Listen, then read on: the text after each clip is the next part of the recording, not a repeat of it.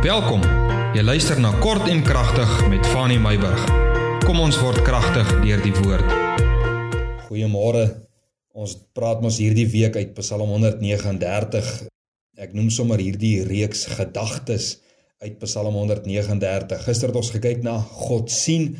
Vandag wil ek met jou gesels oor God sit in my geselskap en jy sal vind soos wat ons deur Psalm 139 gaan het die vertalers, die verklaarders gesê rondom Psalm 139, hulle het gesê Psalm 139 is one of the most excellent psalms of David en jy sal sien as jy dit hierom lees hoekom sê hulle so.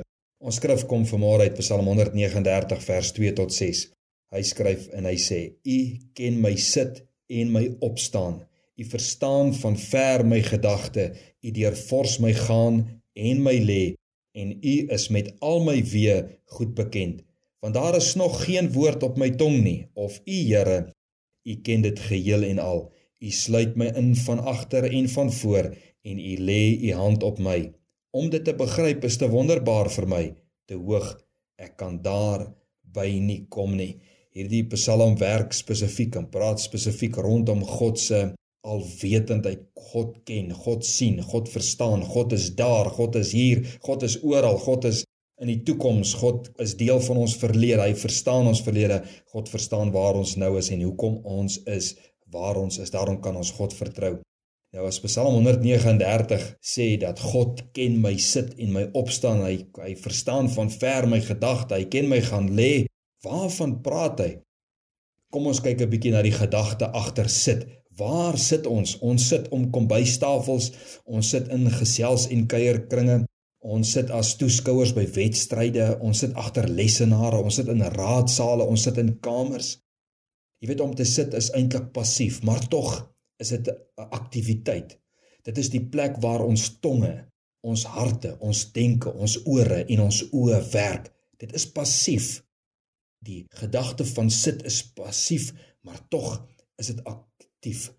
Om te sit is 'n belangrike aktiwiteit. Ons sit vir beplanning. Kom ons dink 'n bietjie. Ons sit vir beplanning. Ons sit om te begroot. Ons sit in vergaderings. Ons vergader. Ons sit om gedagtes uit te ruil. Ons sit uh, vir beraadslaging. Ons sit vir transaksies. Ons sit vir tegnieke, tydlyne, voorbereiding, nabetragting. Ons sit om te leer, om te studeer. Ons sit om oplossings te soek, maar ons sit ook om ons liggame te voed, nê? Ons sit gesellig.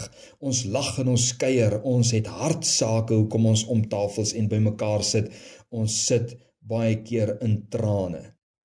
Maar tog is dit ook 'n manier van rus, ontspan om te ontlaai, om leeg te maak en weer te herlaai en vol te maak. Maar dis ook die posisie van waar konings regeer, nê? Enige sittende posisie betrek en aktiveer ons denke, ons gedagte wêreld. Nou Dawid sê, hy sê in alles is God om elke tafel, by jou lessenaar, in die raadsaal, in elke geselligheid en leunstoel waar jy net sit en herlaai. God is die onsigbare gas. God is die toehoorder van elke gesprek. God is die ongenooide gas. God is die fluistering in die oor.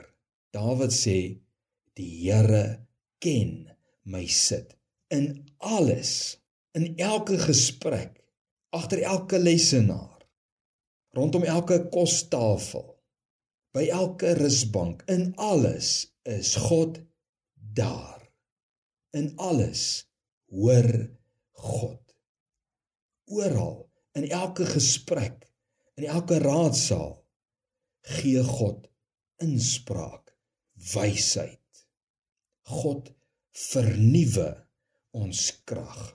God bou herstel familie en vriendskapsbande Maar wie wat sê Paulus? Paulus sê daar is nog een ander plek waar ons sit as God se kinders. Efesiërs 2 vers 6. Jy kan nou die vorige vers en die verse daarna kan jy gelees, maar spesifiek Efesiërs 2 vers 6. Hy het ons saam opgewek. God het ons saam met Christus opgewek uit die geestelike dood en saam laat sit in die hemele in Christus Jesus. Waar sit Jesus? Jesus sit aan die regterhand van God die Vader op die troon.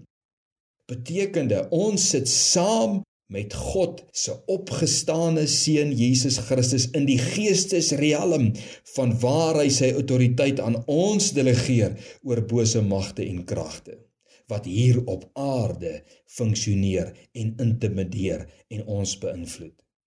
Moet nooit vergeet kind van God dat jy in elke situasie waar jy sit saam met Jesus Christus sit nie. Wat beteken Jesus Christus wat alles verstaan en sien en weet? Wat beteken Jesus Christus is jou raadgewer, jou regter, jou vriend en jou geneesheer. En meer as dit dat jy hier op aarde met die gesag wat Jesus Christus tot jou gedelegeer het op elke stoel sit. Agter elke lesenaar, in elke raadsaal, om elke eettafel. In elke krisis, elke besluit wat jy moet neem. Dat jy met autoriteit en gesag sit wat Jesus Christus tot jou gedelegeer het. Waar jy sit, is God nie net saam met jou nie, maar jy regeer oor die werke van die bose wat in geselskappe op stoele plaasvind en wat dit wil ontwrig. En vanuit ons sittende posisie sê Dawid, staan ons op. U ken my sit en u ken my staan, want uit 'n sittende posisie dan staan ons op en ons gaan handel volgens die rede hoekom ons gaan sit het.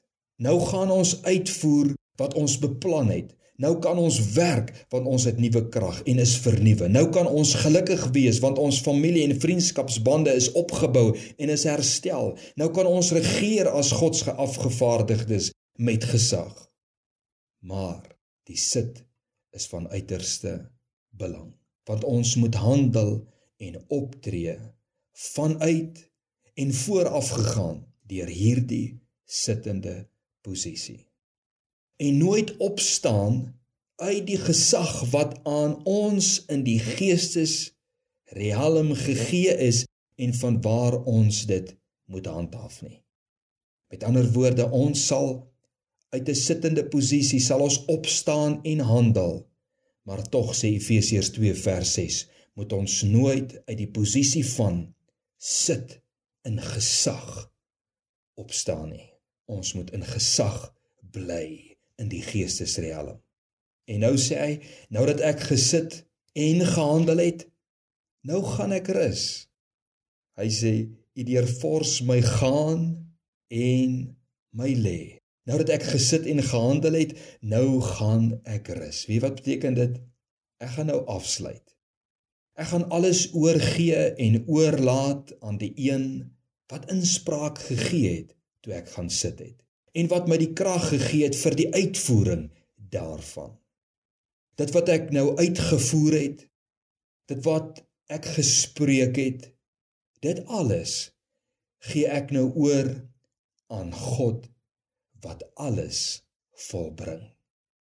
Dit is mooi wat Paulus sê. Hy sê ons saai, ons plant en ons maak nat, maar God is die een wat laat groei. Want Nou dat ek gaan rus, nou rus ek in die wete ek het alles in God se hand oorgegee. Want toe ek gesit het, het hy inspraak gegee. Toe ek opgestaan het, het hy my krag vir die handeling gegee en nou gaan ek rus van my hande werk. En ek gaan alles oorgee in die hande van die Here. Loof die Here, kind van God, God sit in jou geselskap vat hierdie belofte, maak dit vas, maak dit deel van jou lewe. Mag die Here jou seën in hierdie dag, mag die Here jou seën met wysheid, insig en krag vir dit wat jy moet doen en waarvoor jy moet opstaan vanmôre. En ek wil hê vanaand as jy gaan slaap, maak jou oë toe en sê Here, ek gee alles wat ek vandag gedoen het, elke gesprek, elke besluit, gee ek nou in u hande oor. En Here, ek vra dat daar groei sal plaasvind in elke area waar ek gearbeid het in die naam van Jesus. Seën en vrede tot ons môre 'n bietjie verder gesels van vers 7 tot vers 12.